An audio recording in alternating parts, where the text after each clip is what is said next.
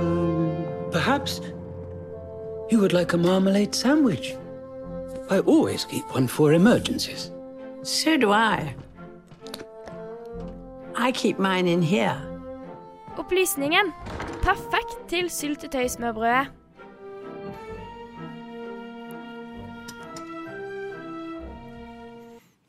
Ja, noe annet som passer bra til et uh, syltetøysmørbrød, er jo te. Liker dere te, folkens? Det er ikke det jeg drikker oftest. Ja, For du er en kaffeperson? Ja, Ja. det vil jeg si. Jeg er en, jeg, det går i bølger. Noen ganger er jeg en kaffeperson, noen ganger er jeg en teperson. Noen ganger er jeg en kakaoperson. Ja. Spørs litt, på, spørs litt på tiden av året. Men nå, er vi jo, nå begynner vi virkelig å nærme oss det som er tesesong før det blir kakaosesong. Ja, nå er vi liksom i den, eh, det mellomstadiet, da. Jeg, åh, jeg er så glad i te. Og i hvert fall sånn i går kveld så satt jeg hjemme og skrev på X-Fill-oppgaven min, og så drakk jeg en kopp med te. Åh, og det, det er ingenting som kan slå det. Da føler jeg meg skikkelig god. Hva, slags type te var det? Åh, Da var det med sånn kardemomme, og så var det litt sånn, litt sånn vanilje oppi. Og så var det bare åh, Det var kjempedigg. For du slår meg som en tekonnoissør, og vi har en annen tekonnoissør i den redaksjonen her, men hun ville helst ikke stille sånne spørsmål, fordi hun har en tendens til å bli litt sur. Um, men Helena, kan man si at man drikker te hvis man drikker liksom sånn typisk sånn Earl Grey, Forest Fruits, English breakfast, sånn posete? Er det te? Uh, ja. Jeg vil si at det er te. Ja. Jeg syns det blir for vanskelig å skal si at det ikke er te. Hva, hva, hva, hva, hva, hva- hva er det da? Kaffe? Kaffe, ja. ja. Et eller annet. Mm. Nei, åh, men uh, te er digg. Uh, men det er jo litt sånn interessant med te. Ordet te. Det man Ja, det, det er et ord man hører veldig mye, men man hører også chai. Og da tror man kanskje hm, er ikke chai en annen type te, eller er det, er det akkurat det samme som te? Uh, reporter i eh, Reporteren vår, eh, Lise, har tatt seg en eh, liten eh, deep dive i te, og her kommer denne saken. Etter vann er det den mest populære drikkevaren i verden. Varen har historisk sett vært så ettertraktet at den alene har ført til kriger og konflikter.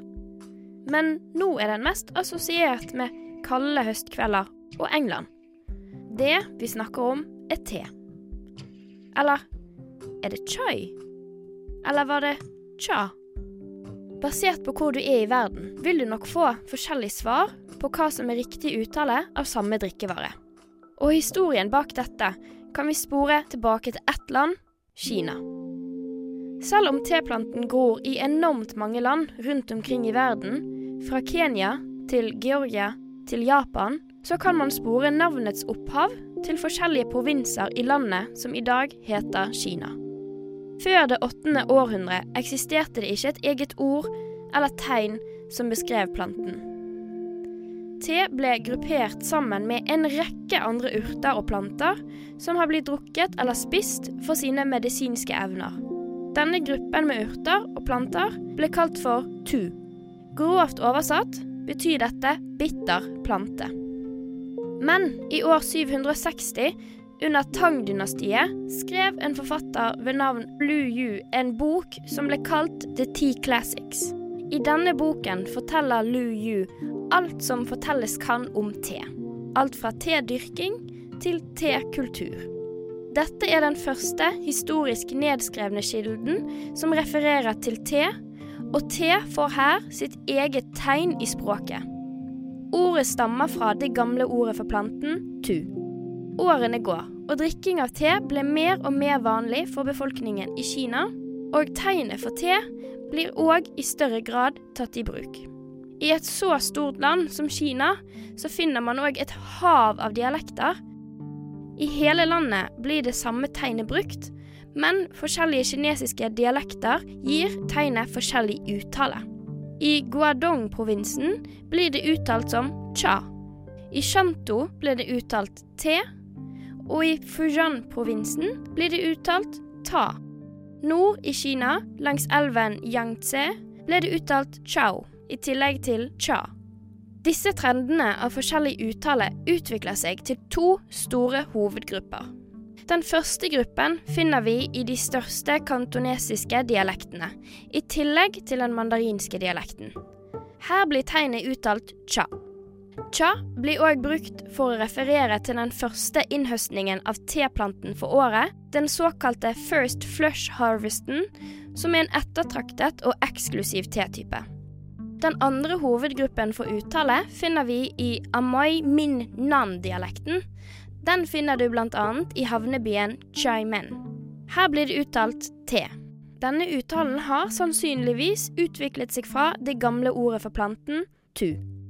Hvorfor det uttales forskjellig i resten av verden, er en konsekvens av hvilken del av Kina som først introduserte planten til landet. Gjennom Silkeveien foregikk det mye handel mellom områder innenlands i Kina og land vestover hele veien til Middel- og Rødehavet. Ettersom dialektene i Innlandskina uttaler det som cha eller chai, så sier man i land som Ukraina, India og Saudi-Arabia versjoner av cha eller chai. Om landets første kontakt var via handel over havet, er historien en annen. Nederlandske og senere britiske kolonister og handelsmenn fikk tak i te i havnebyen Chaimen, hvor det ble uttalt te eller thai. Derfra ble den tatt med videre til forskjellige land i Europa, og med historiens gang har ordet te eller thai utviklet seg på forskjellig vis til versjoner som den norske te eller den britiske ti. Men uansett om du uttaler det chai eller te, drikker det med eller uten melk, så kan vi begge være enige om at det er få ting som er koseligere enn en varm kopp drikke på en mørk og kald dag.